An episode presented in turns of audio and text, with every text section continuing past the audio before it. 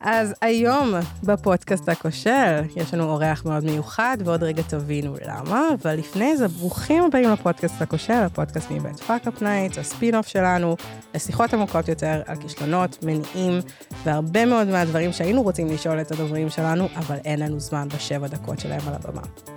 למה אני אומרת שיש לנו אורח מיוחד היום? לא בגלל הרקע המקצועי שלו, למרות שהוא מאוד מיוחד. זה לא בגלל הספרים שהוא כתב, ואפילו לא בגלל ההיכרות האישית.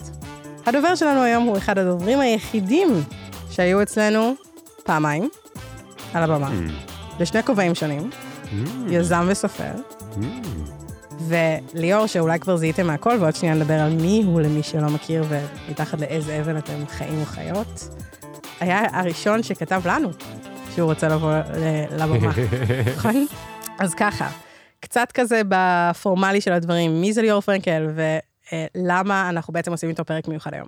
אז חוץ מזה שהוא איש מוצר, הוא עוסק בחינוך וקריירה, חוקר ומלמד אדפטיישן, שבעברית חשבתי על זה, זה סטגלנות או הסתגלות. כן, גם וגם וגם. Uh, הוא כתב מספר ספרים שחלק מכם אולי שמעתם עליהם.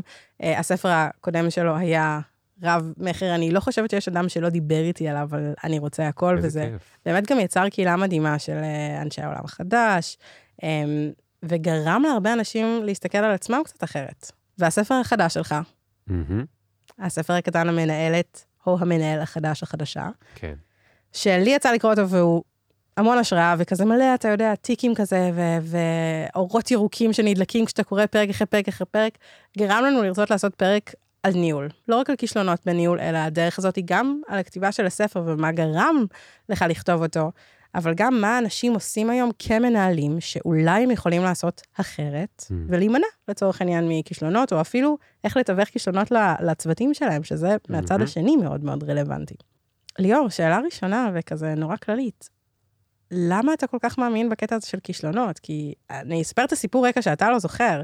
שותפך בזמנו היה רן סגל, mm-hmm. שפנינו אליו בגלל שהוא כתב איזשהו בלוג בגיק טיים על כישלון שהיה לו. ואמרנו לו, בוא, והוא דיבר באירוע הראשון שלנו. ואז אתה כתבת לנו, יש לי סיפור שצריך לספר על הבמה הזאת. יואו, גדול. זה היה לפני שבע שנים, ואמרנו לך חד משמעית, כן, כאילו, תבוא, אנחנו רוצים לשמוע את זה.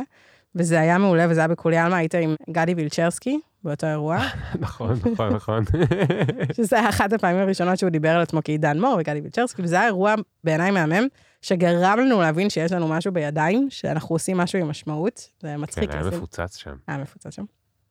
ומאז כזה אנחנו בקשר, עבדנו ביחד, גילוי נאות, עבדנו ביחד בעבר. אמ, אז, אז מה, מה משך אותך אז, אבל גם היום, גם בספר יש לזה התייחסויות. למה, למה כישלונות? זה פשוט חלק מהתפתחות. דיברנו על אדפטיישן. Uh, אני הרבה זמן עושה כל מיני דברים, ואני מנסה תמיד להבין מה לעזאזל הקשר ביניהם, בין הדברים שאני אוהב לעשות לדברים שאני מנסה להפסיק לעשות.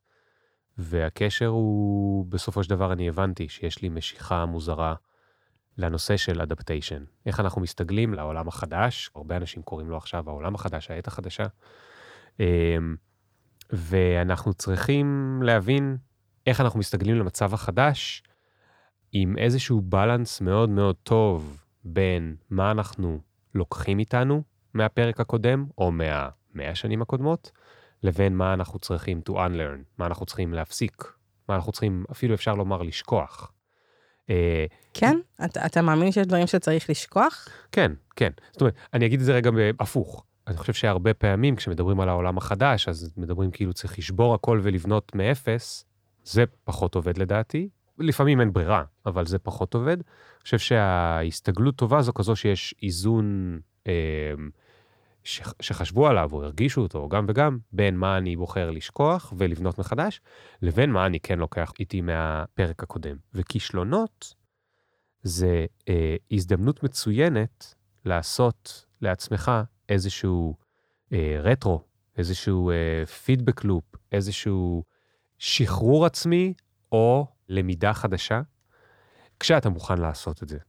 כי בעצם כולנו עוברים מלא כישלונות כל הזמן, ואם אנחנו לא מוכנים או להודות בהם, או אנחנו פשוט מדחיקים אותם ואין לנו כוח להתעסק בהם וכולי, אנחנו מפסידים הזדמנות ללמידה, ולכן רוב הסיכויים שאנחנו פשוט לא נתפתח.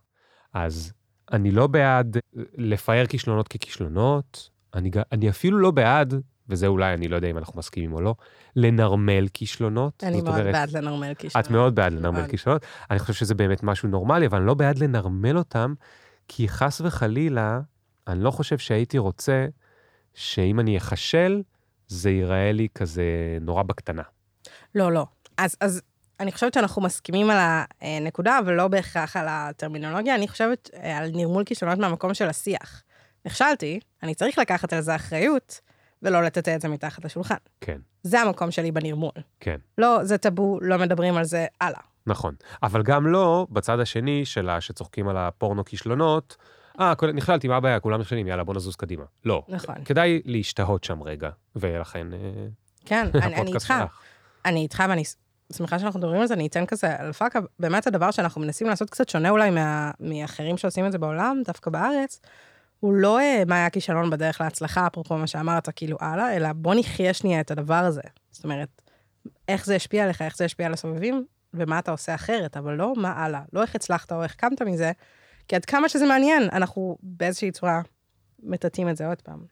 אה, באמת מתוך הסיפור הזה, לך יש איזשהו כישלון שצרוב בך, אם זה בתור יזם, סופר, איש מוצר, אה, טוב, איש מוצר זה בסוף, נתחיל רגע עם זה בקלות, זה, יש אלף כל היום מנסים דברים, וזה בדרך כלל לא עובד. יש בי הרבה כישלונות שצרובים בי.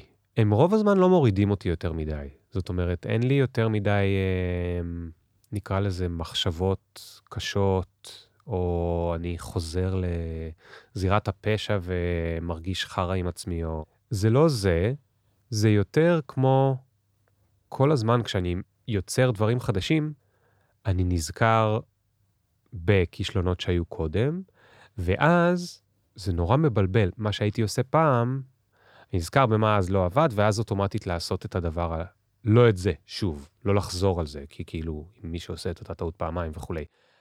אבל זה לא מה שאני עושה. אני נזכר במה שהיה, ואני רגע עוצר לחשוב.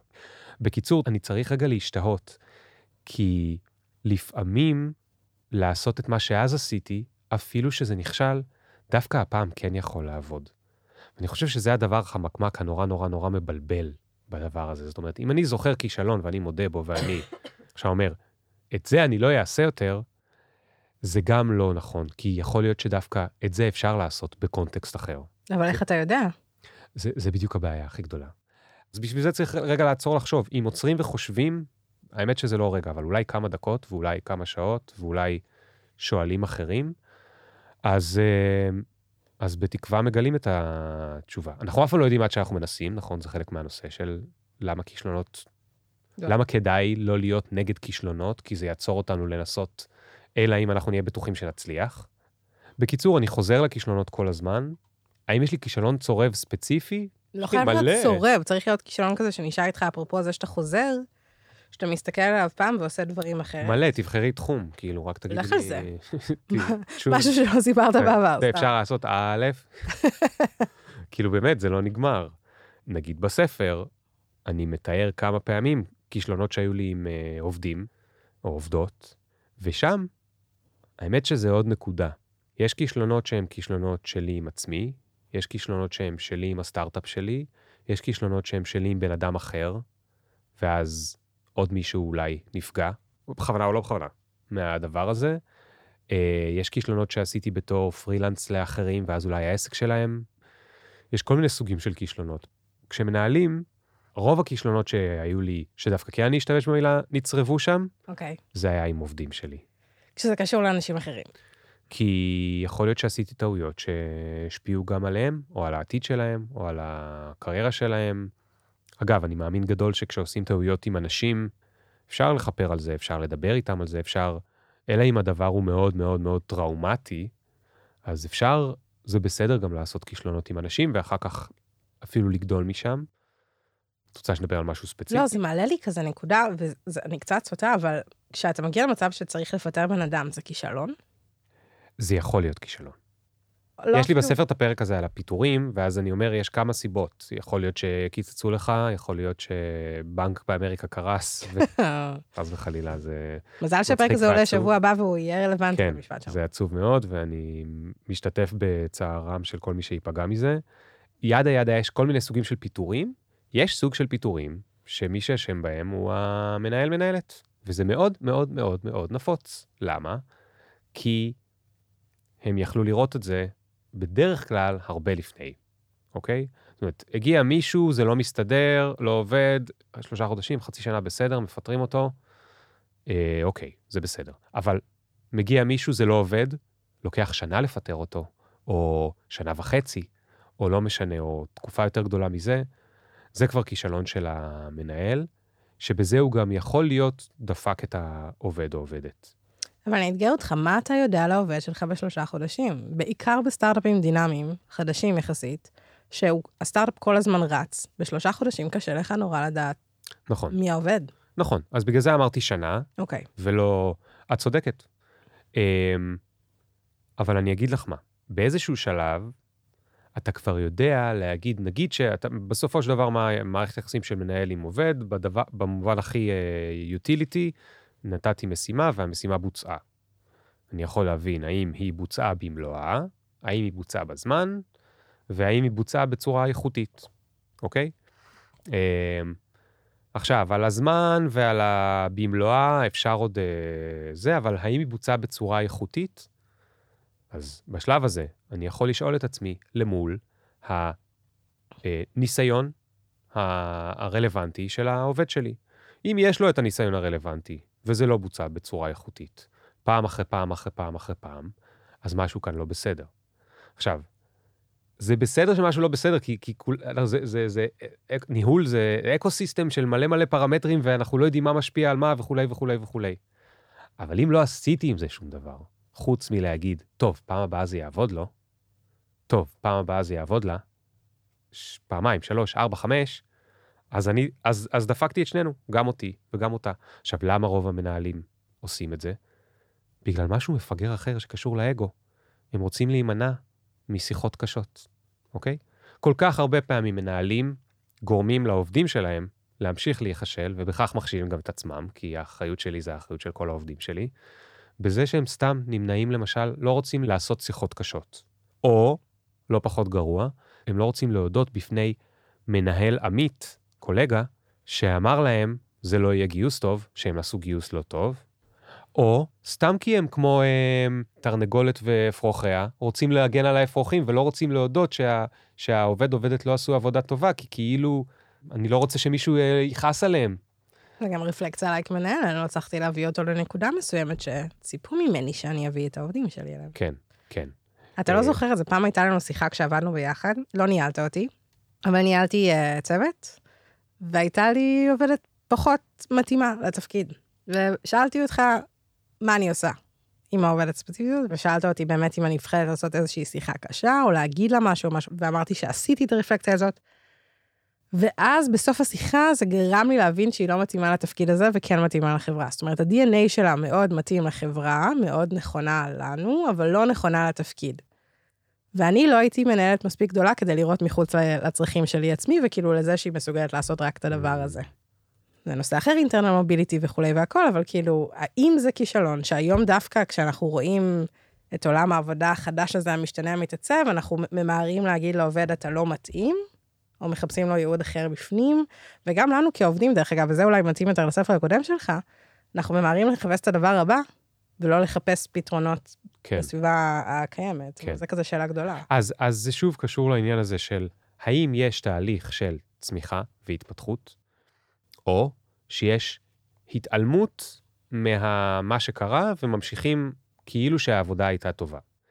אם יש תהליך של צמיחה והתפתחות, מה זה אומר? שנפגשנו, את והעובדת, דיברתם על מה שהיה, ניסיתם להבין, ניסיתם משהו אחר, ויש עוד try, אוקיי? ופעמיים, שלוש, ארבע, חמש, ואז כבר יש לך כאילו, הייתי אומר דאטה, למרות שדאטה כאן זו מילה קצת מוגזמת, אבל יש לך קצת יותר על מה להתבסס, האם יכולה להיות פה צמיחה או לא. אם לא עשינו את כל זה, פשוט קיווינו שרק הפעם זה לא יסתדר לה, ורק הפעם זה לא יצליח, ואגב, לפעמים הטעות היא אצלנו.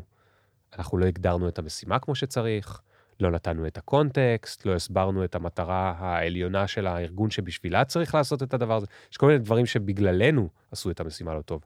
אבל אם לא עשינו את הרטרו הזה ביחד, אם לא ניסינו לעשות את הנקודות של הצמיחה, אנחנו לא נדע. ואז בוודאות אנחנו פוגעים. אם עשינו וזה עדיין לא ישתפר, אז כבר אין ספק. אז אנחנו יודעים ש, ש, שזה מישהו שהוא לא מתאים או לתפקיד או לזה, בלי קשר לעניינים של ה... להזדרז ולהסתכל על אה, אה, דברים אחרים.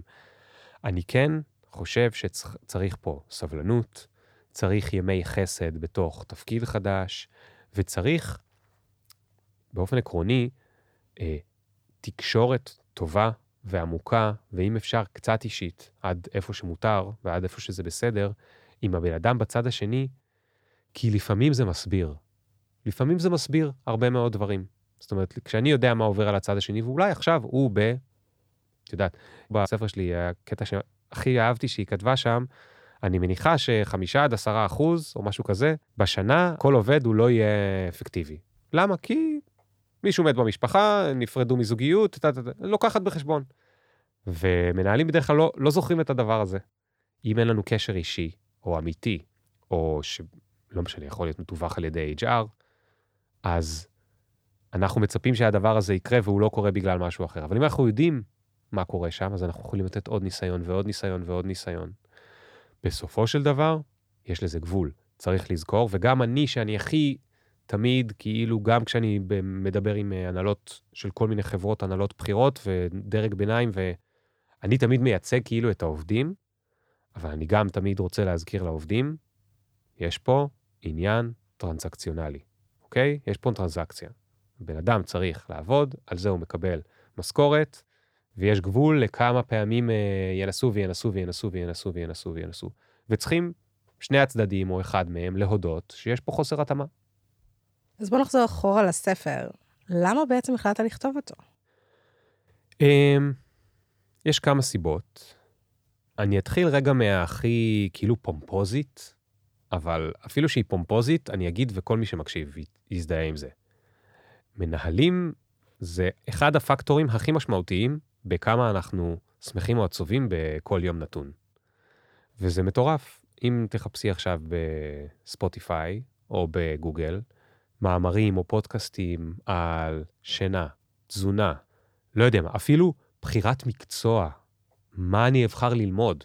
יש לך אין סוף, אין סוף חומר. כמות החומר שאת תמצאי על איך לנהל את, ה, את החיים שלי מול המנהל שלי, מאוד מאוד מאוד מאוד קטן. מעט מעט מעט מאוד חומר יש על זה, ובכלל, רוב החומר שאני ראיתי למנהלים, שהיה, כשהיה למנהלים, הוא היה בנוגע לאיך נביא את הארגון ליעדים, ופחות... איך לנהל. איך לנהל, או איך, איך לנהל את הצד האנושי שבעניין. יש איך לנהל את היעדים, את האסטרטגיה, את הצוות, אבל יש בסוף את הבן אדם הספציפי. ומסתובבים בינינו אנשים שהם, אני סתם זורק, כמעט כולם, שלא מעט ימים בשבוע או בחודש מסתובבים עם פרצוף תחת, בצדק, כי המנהל שלהם זרק להם איזה הערה קטנה. אני יכולה להגיד לך עובדתית, יש לי את המידע הזה שאחד מכל שלושה אנשים מתפטר בגלל המנהל שלו. כן, אז מתפטר זה אפילו קיצוני, כי כן. מתפטר זה אומר שאו שעברו איזשהו threshold שכבר uh, הגיעו מים עד נפש, או שמדובר בבן אדם אמיץ, או שמדובר בטאלנט, בסדר. אבל אני, אני בטוח שיש עוד לא מעט שלא מתפטרים, הם פשוט יושבים וסובלים. ואו שהם רגילים שמתייחסים אליהם אוקיי. ביחס לא, לא כל כך uh, זה עכשיו. זה, זה הסיבה הראשונה. אני מסתכל סביב, את יודעת, המשפחה שלי, החברים שלי, כל מי שאני מכיר, הרבה פעמים זה, זה העניין. אז רציתי רגע לכתוב ספר ניהול שהוא בעצם רובו מגיע מנקודת הראות של העובדים, אוקיי? זה אחד. שתיים, טכנית, אני, עברו אצלי הרבה מנהלים חדשים בכמה שנים האחרונות, ואני מאוד אוהב ספרים, אני חנון של ספרים. כל פעם הייתי קונה להם או את הספר של ה-Harvard Business Review, מעולה, גם מתורגם לעברית, יש, את יודעת, אה, one minute manager, יש את ה-leadership את ה-one minute manager, על, אה, שזה על אוטונומיה, ויש את ה-one minute manager הראשון, שזה בעיקר על ניהול זמן של מנהל, אבל זה, זה כאילו נוגע בנקודות ספציפיות, לא היה לי משהו לתת להם. שלוש, בעברית יש מעט מאוד. ארבע, כולם משתמשים במודלים ובכל מיני אה, אה, טכניקות מאוד מאוד חכמות ואקדמיות שמנהלים צעירים, האמת שלא רק צעירים, אין להם כוח וזמן לקרוא. כאילו אתה קורא ואתה נרדם. אני יודע, כי אני קורא את הספרים האלה, אני החנון של הספרים האלה, ואפילו שאני החנון, אני קורא ואני נרדם על הספר, או על ה... עם האודיובוק. על הספה, אני נרדם. משעמם, לא כתוב טוב. אני ארים לך ואגיד שהספר הזה לגמרי, כשאתה קורא אותו, אתה מרגיש חלק משיח. אני לא רוצה להחמיא לעצמי, אלא להגיד את זה אחרת. זה היה התכנון. התכנון היה, אני צריך לכתוב ספר, שאחד, אפשר לסיים אותו ביומיים, שלושה גג. שתיים, הוא כתוב כאילו, את עכשיו מנהלת חדשה אצלי, אני הולך איתך לקפה של ארבע שעות, או לארבע פגישות של שעה של קפה, ואני אומר לך, הנה כל מה שאני יודע שחשוב היום, והורדתי ממנו, כדי שהוא יישאר קטן ובאמת יהיה אפשר לסיים אותו וזה, את כל הדברים שהם כאילו ה-obvious, אוקיי? יש כאלה שיקראו אותו ויגידו שאולי פרק מסוים אה, נראה להם מאוד מאוד מוכר, אבל את כל הדברים שהם מאוד מאוד טכניים, ואפשר כזה לשאול את צ'אט GPT איך עושים, אז את זה ניסיתי לא להכניס, לא לדחוף סתם כדי לנפח, אבל כן להשאיר אה, אה, כמה דברים, בין אם הם מאוד חדשניים, ובין אם הם נוגעים לתפיסה בכלל שאנחנו צריכים. התפיסה ש, ש, של היום, אם תסתכלי על ספרי ניהול, או בכלל מדע הניהול, על מה מדברים כולם בנגיד חמש שנים האחרונות? ניהול בעולם של אי-ודאות. זה הדבר. ניהול בעולם של אי-ודאות, ניהול בעולם של אי-ודאות. זאת אומרת, הם לא תקועים 30 שנה אחורה. הם התעדכנו, הם יודעים שיש עולם של אי-ודאות, והם אומרים, אנחנו רוצים לכתוב על ניהול בעולם של אי-ודאות. אבל מי הנמען, בדרך כלל, של הכתיבה? הארגון. שזה בכלל יצור שאני לא יודע מי הוא, או איך כותבים לו. מי, מי בארגון אמור לקרוא ספר שמדבר אליך הארגון? אז הם צודקים, יש עולם של אי-ודאות, ויש באמת דברים מאוד מעניינים על איך אפשר לעשות תהליכית שונה בארגון, וכולי וכולי וכולי. בוא נדבר על עולם של אי-ודאות בעיניים שלך המנהל, ובעולם של העובד שלך, שמבין שיש עולם של אי-ודאות, איך מתעסקים בזה. זאת אומרת, מאוד מאוד מאוד down to earth. אז הספר הזה בעצם נכתב למנהלים חדשים. עכשיו, מנהל חדש קורה בשני מקרים, או שאתה צומח מתוך הארגון, או שאתה מתחיל תפקיד בחברה חדשה כמנהל. לא מכירה עוד דרכים. אבל לשני התפקידים האלה, או שתי ההתחלות האלה, יש אתגרים שונים לחלוטין. נכון. איך אתה מציע לפנות? אז קודם כל אני אגיד לך את השתי פרשנויות שהפכו להיות כבר יותר נפוצות אפילו ממה שאת אמרת. או מנהל חדש שהוא פעם ראשונה מנהל, או מנהל חדש במובן של מנהל של העולם החדש, מנהל של ימינו. אם יש שם איזשהו פרק או שניים שאתה כבר מכיר, אפשר לקפוץ עליו, אפשר לרפרף עליו, זה לא, זה לא באמת אה, מפריע. ובאמת, כל מה שהוא, אה, את יודעת, לא עשיתי שם, אני יכול לתת לך מלא דוגמאות, כי הם כולם היו לי, היה את התוכן העניינים המקורי, mm-hmm. עם כזה אלף בולטים, ואז החלטתי, אוקיי, מה חשוב ומה זה. אז לא שמתי שם תרגילים לגיבוש צוות, אוקיי? התחשק לי, אני צופיפניק במקור. התחשק לי לשים שם תרגילים לגיבוש צוות, יש לי כמה טובים, אבל אה, לא הכנסתי. אני חושב שמה שחשוב הוא התפיסה. זאת אומרת, קודם כל, ה mindset משני הכיוונים. אחד, העולם שבחוץ, מה שמשתנה, ושתיים, אנחנו כבני אדם, כעובדים, יש לנו כבר תפיסה אחרת. סתם, למשל, עכשיו מדברים על זה, שוק מעסיקים, עוד מעט הכל יחזור להיות, כמו לפני 20 שנה, וכל מיני מנהלים מתחילים לחשוב, היי, אולי אני יכול להמשיך, כאילו, לחזור להיות... אה, להתעמר. להתעמר או לעשות מה שבא לי, כי מה הם יעשו? הם יעברו? לא, אי אפשר כי השתננו, השתננו כאנשים. עברנו ביחד את הקורונה, עברנו את העשור האחרון, אנחנו לא אותם אנשים, זה לא יעזור, זה, זה יצאנו מה, מה, מהרע של אפלטון, ראינו את השמש, וזה לא יכול לחזור להיות שם. האם אנחנו לא יכולים היום להתפטר בקלות כי יש הרבה פחות עבודות? נכון, הרבה פחות. אה, אבל זה לא, זה לא משנה. אתה רוצה שאף אחד לא יתפטר, אבל מה אתה רוצה, שהם ישבו שם בלי מוטיבציה? שהם ישבו שם מסכנים, אה, מרכלים עליך בקבוצת וואטסאפ? זה לא יהיה הרבה יותר טוב. אז הספר ב, ב, ב, בעיקרון, קודם כל רוצה להטמיע את ה mindset הנוכחי של מה שקורה בעולם בחוץ ומה שקורה לנו בתור אנשים.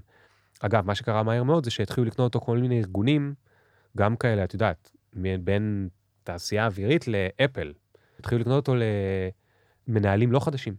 והם כתבו לי, קנינו למנהלים החדשים שסיימו את הקורס מנהלים, גנבתי לי איזה עותק, קראתי, ואני רוצה את זה דווקא למנהלים יותר אה, אה, אה, בכירים, כי יש הרבה דברים שהם לא מכירים ב mindset. ואני התחלתי לאכול סרטים, אפרופו כישלונות. התחלתי לאכול, אני אומר לאכול סרטים כי אני חושב שהשלב של לאכול סרטים, אני חוזר שנייה לפילוסופיה של כישלונות ואז אני אחזור ל zoom in, השלב של לאכול סרטים הוא שלב חשוב מאוד בהתפתחות של בן אדם, אוקיי? אמ, אז, ו- ולכן כישלונות חשובים. אמ, התחלתי לאכול סרטים כי פתאום נתנו את זה ל... למאה הבכירים של בנק הפועלים. ואמרתי, oh my God, הם יראו שם פרקים על אה, מה לעשות במאה הימים הראשונים שלך בתפקיד, ממש כאילו מעניין. למדת לפתחת. שה obvious שלך זה לא ה obvious שלהם? לא, אז, אז הפרק על מה לעשות במאה הימים הראשונים, הם יודעים, אוקיי. בסדר? אבל הס- הסיבה שקנו להם את הספר, זה כי ה obvious שלי הוא לא ה obvious שלהם, וגם חלקם כבר יודעים ומכירים וזה, מה שכיף בספר טוב, גם לי זה כיף בספרים טובים. זה קצת כמו אם תיסעי עכשיו לפריז, לאיזה מוזיאון תלכי, לאיזה מוזיאון אנשים בדרך כלל הולכים, הלובר, מה הם מחפשים שם? בדרך כלל את מה שהם כבר מכירים. נכון. זה נורא מצחיק, נכון? הרי אתה רוצה להעשיר את עצמך, אבל איכשהו אתה נמשך אתה למה גם שאתה רוצה כבר מכיר. לסמן את ה-V הזה שעשית את זה. כן, לא, ות... אה, זה חואן זה- מירו, אני מכיר את ה... זה המקטרת של הצייד, אני שמעתי את ההרצאה פעם בזה. זאת אומרת, אתה רוצה להרגיש טוב כלפי עצמך, אבל גם, זה לא רק שאתה מסמן לעצמך וי ומרגיש טוב כלפי עצמך, אתה באמת שוב רואה את הציור של חואן מירו, ומשהו קצת יותר טוב יושב לך. אז גם אלה שכבר הכירו את התיאוריה, אז הפידבקים שקיבלתי מהם באימייל זה היה, לא גילית לי את אמריקה, אבל זה סידר לי את הדברים. ויש לזה הרבה מאוד חשיבות, אני, אני רואה את זה גם עליי, נגיד אני מאוד אוהב uh, תכנון של מודלי חשיבה, אז נגיד יש מלא ספרים על מודלי חשיבה, first principles וכל מיני דברים כאלה של איך, איך אפשר להסתכל על בעיות, או איך אפשר להסתכל על אי ודאות. וכאילו אני שומע שם משהו שכבר שמעתי באיזה ארבעה פודקאסטים, אבל פתאום אני קורא על זה ספר, אז מישהו שם מסדר לי את זה כמו שצריך, עם ארבע דוגמאות מסודרות, וזה וזה וזה, ואני אומר, אוקיי, עכשיו הבנתי מה, מה לעזאזל אה, מדובר בזה. אני רק רוצה לחבר שניים מהדברים ש, שרצתי עליהם. אני עובד על אה, קורס מנהלים קצת אחר, ואני לא אדבר עליו יותר מדי, אני רק אדבר על נקודה שם שנורא חשובה, ותחבר את כל מה שדיברנו עליו. אחת הבעיות שלנו, בתור בני אדם, אבל עוד יותר בתור מנהלים, זה האגו. האגו שלנו פשוט דופק אותנו. במלא מובנים, האגו שלנו מקשה עלינו לצמוח, כי אנחנו רוצים להגיד אני צדקתי, ולא אני נכשלתי, נכון? האגו שלנו... אפילו לא נכשלתי, טעיתי. כן, לא... קשה לנו להודות בטעויות. קשה, קשה, קשה, קשה, קשה נורא להודות בטעויות. נכון, טעות זה כאילו הקטן של כישלון, הבן הקטן. קשה לנו להודות בטעויות. אם אני יודע בטעות איך אני אבנה לעצמי אוטוריטה. אם אני מנהל חדש, אני מנהל פעם ראשונה, עוד אין לי בכלל אוטוריטה. אני כבר יכול לבוא ולהגיד שטעיתי, אני כבר יכול לבוא שנכשלתי. איך אני עושה את זה בלי... אני רוצה להיות פגיע, כי הבנתי שזה חשוב להיות פגיע וכי זה יוצר אמון. אבל איך אני אהיה פגיע? האגו שלי לא נותן לי לספר שאני כאילו לא מושלם וכולי וכולי. עכשיו, האגו הזה, הדרך קצת להקטין אותו, קצת לתת לו סטירות שקצת ירד ויירגע קצת, הוא לא ייעלם לאפס אף פעם, גם לא אצלי, כן, אצל אף אחד, אבל גם אצל הבודהיסטים קשה להם, אבל אפשר להוריד אותו, את יודעת, ל-70, 60, 20 אחוז. הדרך לעשות את זה יכולה להיות ברגעים האלה שאוכלים סרטים, אוקיי? זאת אומרת, יש איזשהו תהליך. אוקיי, עכשיו תבין למה אני מתכוון. קרה לי כישלון. בריל טיים של הכישלון, האגו שלי לא נתן לי להגיב כמו שצריך לכישלון. יכול להיות שמי שהייתי לידו, הכחשתי, הסתרתי, אולי אפילו שיקרתי למישהו, לא סיפרתי שזה קרה, עוד אני צריך לספר, אוקיי? קרה לי משהו, עשיתי טעות או קרה לי כישלון. האגו שלי לא נותן לי להתקדם עם זה, אוקיי. עכשיו הגיע הלילה, או הבוקר, או כל אחד אמבטיה, כל אחד איפה שזה קורה לו, אני מתחיל קצת לאכול סרטים. מתחיל רגע להיזכר מה היה שם. אבל אני קצת רחוק מהסיטואציה, ועכשיו יש לי שתי אופציות. או שהאגו שלי מנצח, ואז מה שאני עושה זה אני עושה את השיחות ואני רק עוד יותר מצדיק את עצמי, עוד יותר מספר לעצמי בעצם איך אני כן צדקתי ואיך כולם טעו, והם פשוט לא הבינו את זה, והם לא ראו את זה, ואם רק היה לי את המשאבים או את ה-whatever, הייתי מראה להם שצדקתי. מזה, שוב, בדרך כלל לא צומחים, אלא מלבים זעם ש- שנתקע בבטן. או אם אני קצת מצליח להיות יותר מודע לעצמי, או קצת מצליח כאילו שנייה להשתיק טיפה, טיפה את האגו, להגיד, אוקיי, בוא נבין מה קרה שם, בוא נבין האם הייתי יכול לעשות משהו יותר טוב. זה עדיין לא אומר שאני בא ומספר לכולם, זה עדיין לא אומר שיש לי אומץ להודות בטעות, אבל ביני לבין עצמי לפחות, זה כבר, זה שלב ראשון קטן כזה. ביני לבין עצמי, אני מודה, יואו, הייתי יכול לעשות את זה יותר טוב, יואו, טה-טה-טה, או, אם עובדים, יואו, יכול להיות שפגעתי בה. יכול להיות שלא היה סבבה להגיד לה את הדבר הזה, אוקיי? ואז, אחרי כמה דקות או כמה שעות, או למחרת בבוקר או whatever, אם הצלחתי להיות שם רגע קצת בלי האגו, אז קורית הצמיחה. זאת אומרת, יש, התהליך הזה של הצמיחה, הוא, יש בו כמה מופעים כאלה. ככה אני רואה את זה מהחיים האישיים שלי, אין לי על זה מחקרים, אוקיי? ככה אני מרגיש את זה בחיים האישיים שלי. יש כמה מופעים כאלה, וצריך לעבור את כל המופעים, את כל ה steps, כדי להגיע למקום שבו נהייתי בן אדם קצת שלמד משהו חדש, קצת יותר משוכלל, אוקיי? קייזן, 1% יותר אה, אה, טוב או משהו כזה. וזה קשור לקורס מנהלים, כי אני מת לעשות קורס מנהלים שלא באים ועושים להם רק הרצאות ומספרים לזה, אני מנסה לחשוב איך אני מעביר אנשים את התהליכים האלה, כדי שהם יתרגלו את הכמה סטפס האלה, כדי שאחר כך, בעצם, בתהליך הניהול אתה פשוט, אתה בבית ספר, אם אתה יודע או לא, אתה כל הזמן בבית ספר, אתה יכול ללמוד המון, אם אתה רק נותן לעצמך. אבל האמת שזה נכון גם לעובדים, נכון לכל אחד. אז באמת, כמנהל זה דבר אחד שאתה נכשל, או שאתה מכשיל, או כל דבר, אבל מה קורה? וזה נושא נורא גדול, אבל ממש בקצרה, איך אתה רואה את העולם הזה כשהעובד שלך הוא זה שעושה את הצעד הלא נכון? אני מכירה את המנהלים שזורקים אותם, אתה יודע, זורקים את האחריות, ויש הרבה מאוד סוגים של מנהלים. איך אני מתווך את הכישלון של העובד שלי בסופו של דבר, כדי שפעם הבאה הוא לא יפחד להיכשל עוד פעם, כי זה כנראה יקרה, אבל גם מצד שני, הנו נו נו הזה שצריך להגיע. זאת אומרת, יש פה ממש הרבה מורכבות, כי אתה גם לא רק סביב העובד שלך, גם מעליך אתה צריך להחזיר תשובות והכל, אז... כן. מין כזה טיפ שיש לך, או הראייה שלך סביב הסיטואציה המאוד מאוד מורכבת הזאת. קודם כל, נכון שאי אפשר לדבר על זה בלי לחשוב על הילדים. טוב, יש לנו ילדים, אז זה קצת כזה כן, אבל כן, זה נכון. אי אפשר, אי אפשר לרגע לחשוב על זה, והדבר שאני תמיד מזכיר לעצמי, כשזה ישר לוקח אותי אליי בתור אבא, זה העובדים שלי הם לא ילדים. נכון. צריך לזכור את זה. הם לא ילדים. למרות שזה מרגיש לי כאילו כמו שאלה בהורות, לא שאני מומחה בהורות, יש לי רק ילדה אחת, אז יש לי בזה הרבה הרבה הרבה הרבה פחות ניסיון מבניהול. אין לי טיפים בהורות, אני לא מוכן לתת עצות, אני לא יודע אם אני מבין בזה. אבל צריך לזכור שה... ש... שהם ממש לא ילדים. אז זה, זה מכניס עוד יותר אה, אה, בעיה לעניין, אבל זה גם קצת מקל על זה, אוקיי? אז, אז ככה. אז אני חושב שאיזה דברים כן אפשר ואיזה דברים אי אפשר לקחת מה, מהלימודי אה, הורות, נגיד נקרא לזה. יש את העניין של הכלה. אני צריך להכיל את הבן אדם, לאו דווקא את הטעות, את הבן אדם, אוקיי? עובד עשה טעות, העובד והטעות הם לא ישות אחת. יש עובד שהוא ישות, שהוא עשה טעות, שזה אובייקט נפרד, אוקיי? יש עובד שתמיד עושה רק טעויות, ואז אפשר לחשוב שהם אותו ישות. אבל יש עובד שלפעמים עושה טעויות ולפעמים הוא עושה דברים טובים. ואסור לי לחשוב שהטעות והעובד זה אותו, בן, זה אותו בן אדם, זה אותו ישות, כי אז זה אומר שאני לא מאשים אותו על הטעות, אני מאשים אותו על מי שהוא.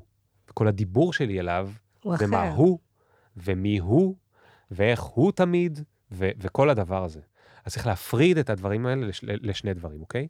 אז גם כשאנחנו מדברים על מה קרה, אנחנו לא מדברים עליו, אנחנו לא מדברים על התכונות אופי שלו, אנחנו לא מדברים על ההרגלים שלו, למרות שאפשר להגיע לשם עוד מעט, אבל אנחנו עוד לא מדברים על זה, אנחנו כל מדברים על הטעות כטעות, כחיצונית אליו, אוקיי? זה לא, זה לא נגמר שם, כי זה עלול להוריד ממנו את האחריות. פה יש עניין באמת שדיברנו עליו קצת בהתחלה. האם זה חוזר על עצמו, או זה קורה אחת ל, אוקיי? נגיד, יש עובד חדש, הוא חדש לגמרי, לא משנה, עשה טעות בחודש-חודשיים הראשונים, בכלל, אני בגישה שלי, ממש סופר רך. למה? הוא רק נכנס לחברה, אני לא רוצה ישר להוריד אותו, כי יכול להיות שהוא לא יתאושש מזה. זה ממש לא זה. אני גם לא רוצה שהוא יהפוך להיות יסמן, yes כי צריך עובדים שתהיה להם חשיבה ביקורתית. צריכים לזכור בסוף, מי מחליט, אין מה לעשות, ככה, ככה ארגון היררכי בנוי, אבל הם צריכים שתהיה להם חשיבה ביקורתית, אז אני לא יכול להוריד על זה, זה. זה אחד. שתיים, במקביל, ככל שיש לי ביטחון עצמי, למנהלים בפעם הראשונה זה יותר קשה, אבל ככל שיש לי אפילו קצת ביטחון עצמי, אני אנסה פרואקטיבית לספר לעובדים שלי, בין אם זה בישיבת צוות או באחד על אחד, על טעויות שלי, אוקיי? הדרך לגרום להם לא לשקר לי ולא לסלף את המציאות, אלא לבוא come clean על דברים שהם עשו, זה בזה שאני אבוא ואני אספר להם, גם אני טועה לפעמים. רוב הזמן לא, אבל לפעמים אני טועה, אוקיי? אז אני מייצר בינינו כבר מערכת יחסים שבהם, את יודעת, לפעמים טעות, אתה לוקח לך אה, שבוע עד שאתה מגלה מה באמת היה. יש מה שאתה שומע, ואז אתה לפעמים בא סופר עצבני למישהו אחר שאולי זה היה קשור אליו, ואז הוא מספר לך פתאום סיפור אחר, אתה שומע סיפור שלישי, ורק אחרי שבוע אתה, אתה מבין בא, איפה השופט והעדים בבית משפט נמצאים. אבל איפה מגיעה לקיחת האחריות של העובד? לקיחת האחריות של העובד? יפה. תראי, לא עושים נו נו נו ולא נותנים עונשים, כי אנחנו בחברה אה, מסחרית. זה לא צבא, נכון. אוקיי? אי אפשר לשלוח אותו לכלא. אפשר לא לקדם אותו, אבל פיטורים זה משהו שקורה אחרי הרבה טעויות, כן. אוקיי? או טעות קולסלית אחת. אז הלקיחת אחריות של העובד צריכה לקרות בתוך אותה שיחה, אבל אני לא יכריח אותו. אני בחיים לא אגיד לו, אתה מודה שטעית? תודה שטעית. לא, מודה שטעית? זה ברור, אבל עובד שלו, לצורך העניין, לוקח חלק אה, בפאק, כשאנחנו עובדים עם ארגונים, יש לנו סדרה של שאלות נכון, למנהלים על איך הם יכולים לעודד. כן. אה, אוקיי. אז, אז הנה, אז הנה, אז, אז הוא מספר לי, האמת שזה קרה לי לא מזמן, אוקיי. עם איזושהי עובדת, והיא אמרה, והאלה ככה, וההוא ככה, וההיא ככה. ואז אמרתי לה, וואי, זה לא נחמד, ואיך הוא דיבר ככה, ואיך ההוא אמר ככה, וזה וזה וזה, ויאללה, מה את היית יכולה לעשות יותר טוב? לא, וזה, וזה, אני אומר לה, בסדר, בעולם אידיאלי, מה את היית יכולה לעשות יותר טוב? אנחנו רוצים שזה... אני אומר לה גם, את הולכת תכף לספר את זה, ל... לא חשוב, הסיפור מסובך, אבל היא הולכת תכף לספר את זה למישהו שהוא לא אני. אני אומר לה, הסיפור שלך לא אמין. אם את באה ומפנה לכולם אצבעות בלי להגיד שלך יש חלק בסיפור, זה לא אמין. אז בואי, ממש, תגזימי. תגזימי, ואפילו עוד כמעט על גבול התמציא, מה החלק שלך. ואז היא התחילה להגיד מה החלק שלה, ואז פתאום זה גדל, וזה נהיה משהו בתוך החלל בחדר, נהיה גם מה החלק שלה בעניין הזה. לכולנו יש חלק. ושוב, הדרך שלה לגרום בנוח לעשות את זה, זה שאני אתנהג ככה גם, אוקיי? גם במערכת היחסים שלי איתה, וגם בדברים אחרים בארגון. אני אבוא, אני תמיד יקדים בפרואקטיביות. תמיד, תמיד, תמיד אני אקדים, ואני אגיד, תשמעי, אני אספר לך מה קרה לי, טה-טה-טה-טה-טה-טה-טה, ווואלה, אני יכולתי לעשות יותר טוב, 1, 2, 3, אוקיי? בניסיון לעשות איזשהו רול מודל. עכשיו, יכול להיות עובד שהוא מאוד מאוד מאוד, וסליחה שאני אומר את זה, אבל אני אגיד את זה, ילדותי, שלא משנה כמה role modeling עושים לו, וכמה זה, הוא בחיים לא ייקח אחריות, לא מלאה, עזבי מלאה. אני לא צריך שהוא ייקח אחריות מלאה. בסוף, אנחנו לא בבית משפט. אני רק צריך שהוא יוכל להגיד בקול רם מה הוא יכל לעשות יותר טוב, אוקיי? אני לא צריך שהוא יגיד, וכל זה קרה בגללי. מצידי שבראש שלו יאשים כמה גורמים וגם את עצמו, זה גם כבר טוב, אוקיי? אנחנו לא מנסים להוכיח את האמת. אנחנו מנסים שהוא יבין איך הוא יכול להשתפר. נכון? הרי אין פה, אין מטרה לנבדוק מי טעה ואז נתלה אותו. זה לא זה. המטרה היחידה שלנו כשגילינו שיש טעות, זה להבין, אחד, איך יוצאים ממנה, אם היא, אם היא, מה שנקרא, נגררת, ושתיים, להבין איך משתפרים. אז כל השאלה היא, מה אתה פעם הבאה יכולת לעשות יותר טוב, אוקיי? ונגיד שהוא לא מוכן עדיין והוא מאשים את האחרים, אז דרך שם אפשר. אז אני אשאל, מה במערכת יחסים שלך איתו את יכולה לשפר, אוקיי? מה בתהליך עבודה שלך עם ההיא את יכולה לשפר? זאת אומרת, אני אשאל שאלות מנחות, אבל שבהם אני אשאל אותה לא מה הם יכולים לעשות יותר טוב, אלא מה את יכולה לעשות יותר טוב. זה מדהים מה שאתה אומר, כי באמת, אה, כשאנשים לא מסוגלים לקחת אחריות בסביבות ניהוליות וגם כעובדים, אז מערכות היחסים מתערערות. זה אף פעם לא נגמר בכישלון או טעות הספציפית הזאת, זה דבר שהוא נגרר קדימה עם האנשים סביב הסיפור הזה. אז זה נורא מעניין. לא נשארנו עוד הרבה זמן, אבל רציתי לשאול אותך סדרה של שאלות מאוד קצרות. יאללה. אוקיי. תנסה להגביל את התשובות שלך ל-20 שניות. אבל לחשוב או מהבטן? מהבטן. יאללה. אתה חושב שכל אדם יכול להיות מנהל? לא. כי קודם כל כי לא כדאי לכל בן אדם להיות מנהל. זה משהו שלא אומרים. קידום הוא לא בהכרח ניהול. ממש לא. זה משהו שאני אומר בכל הזדמנות, ואני אגיד את זה גם פה. חבר'ה, יש 20 דרכים להתפתח, נכון. ניהול זה רק אחת, וזה הדרך עם הכי הרבה כאב ראש שיש, אוקיי? וארגונים אה, בריאים הם כאלה שיודעים גם לתגמל אנשים לא על בסיס אם הם מנהלים או לא מנהלים, אלא על דברים אחרים. תמיד אומרים לי, אבל שכר, לא. אה, האם יש הבדל בין יכולות של מנהל היום ללפני עשר שנים? בוודאות. דבר אחד שהכי בולט לך? אה, יכולת, אה, נקרא לזה מנהיגות. זאת אומרת, פעם מנהל יכל להיות מנהל, כי הייתה אוטוריטה, כי הייתה סמכות, כי אני אמרתי ועכשיו כולם יעשו. היום, מנהיגות זה לא אקסטרה value חמוד כזה, שאם יש לך אותו, אז איזה יופי, הוא כריזמטי, או הוא מנהיג, וכולם ילכו אחריו. לא. היום אין לך ברירה, כי אתה מנהל אנשים שלא מאמינים לאף אחד בשום דבר, תקשורת, פוליטיקה, משטרה וכולי וכולי וכולי וכולי וכולי, וגם לך הם לא מאמינים שאתה לא אינטרסנט, ואתה לא רוצה רק לנצל כל דבר, והם חושבים בעיקר על עצמם אינדיבידואליסטים. אני לא חושב שזה, אני לא אומר את זה בשיפוטיות, אני אומר שזה המצב, ולכן אתה חייב לדעת להנהיג אותם, אוקיי? מה זה אומר? זה אומר בניית אמון, זה אומר בניית מערכות יחסים, זה אומר storytelling טוב, לדעת לספר להם. זה אומר שאתה יודע לספר להם מה יצא להם מזה, אוקיי? הם לא פה בשביל הציונות, כמו שהיה הרבה יותר אה, פעם, לפני 10 או 30 שנה, אוקיי?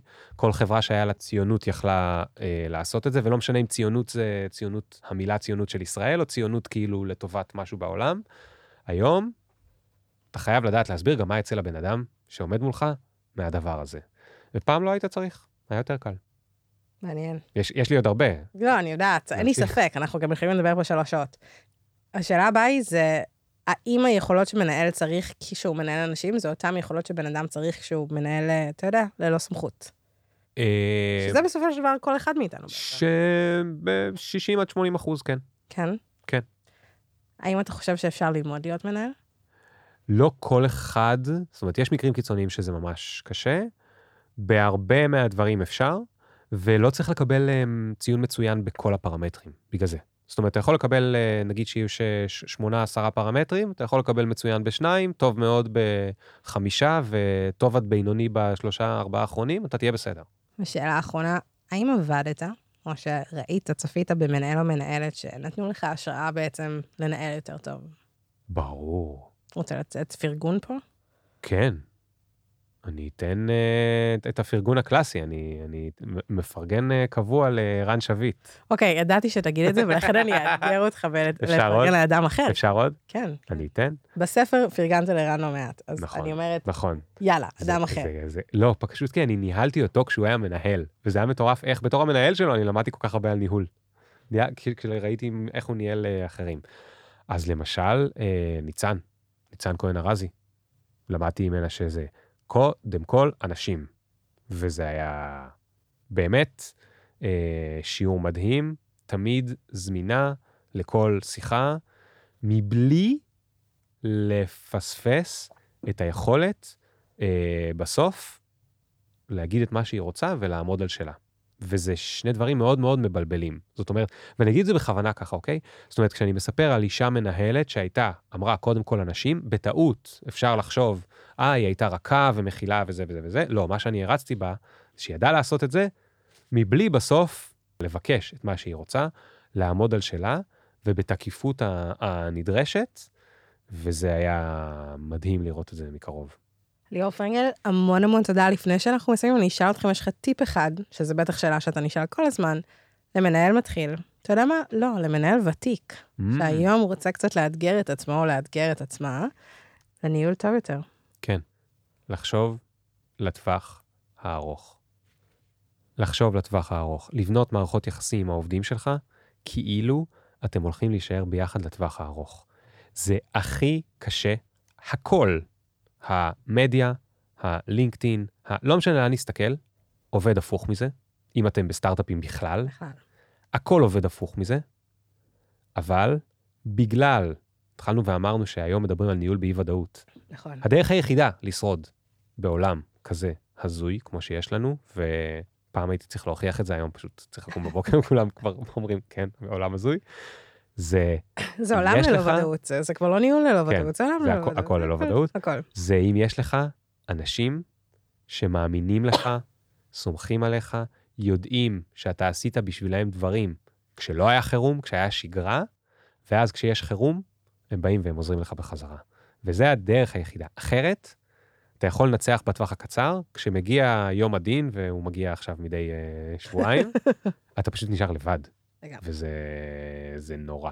שוב, אולי הם לא מתפטרים ובורחים כי הם לא יכולים בגלל המצב, כן. אבל אולי הם גם יושבים על המחשב ועושים הכל חוץ ממה שאתה צריך. ליאור פרנקל, המון המון תודה. אני אקח את ההזדמנות הזאת גם להודות לגוגל לסטארט-אפים שנתנו לנו להתארח בסטודיו שלהם ולהקליט פה. תודה רבה גם לכם. Uh, תודה שהאזנתם, נתראה בפרק הבא. תודה ליאורה. ייי. uh, זה ממש כיף שבאת.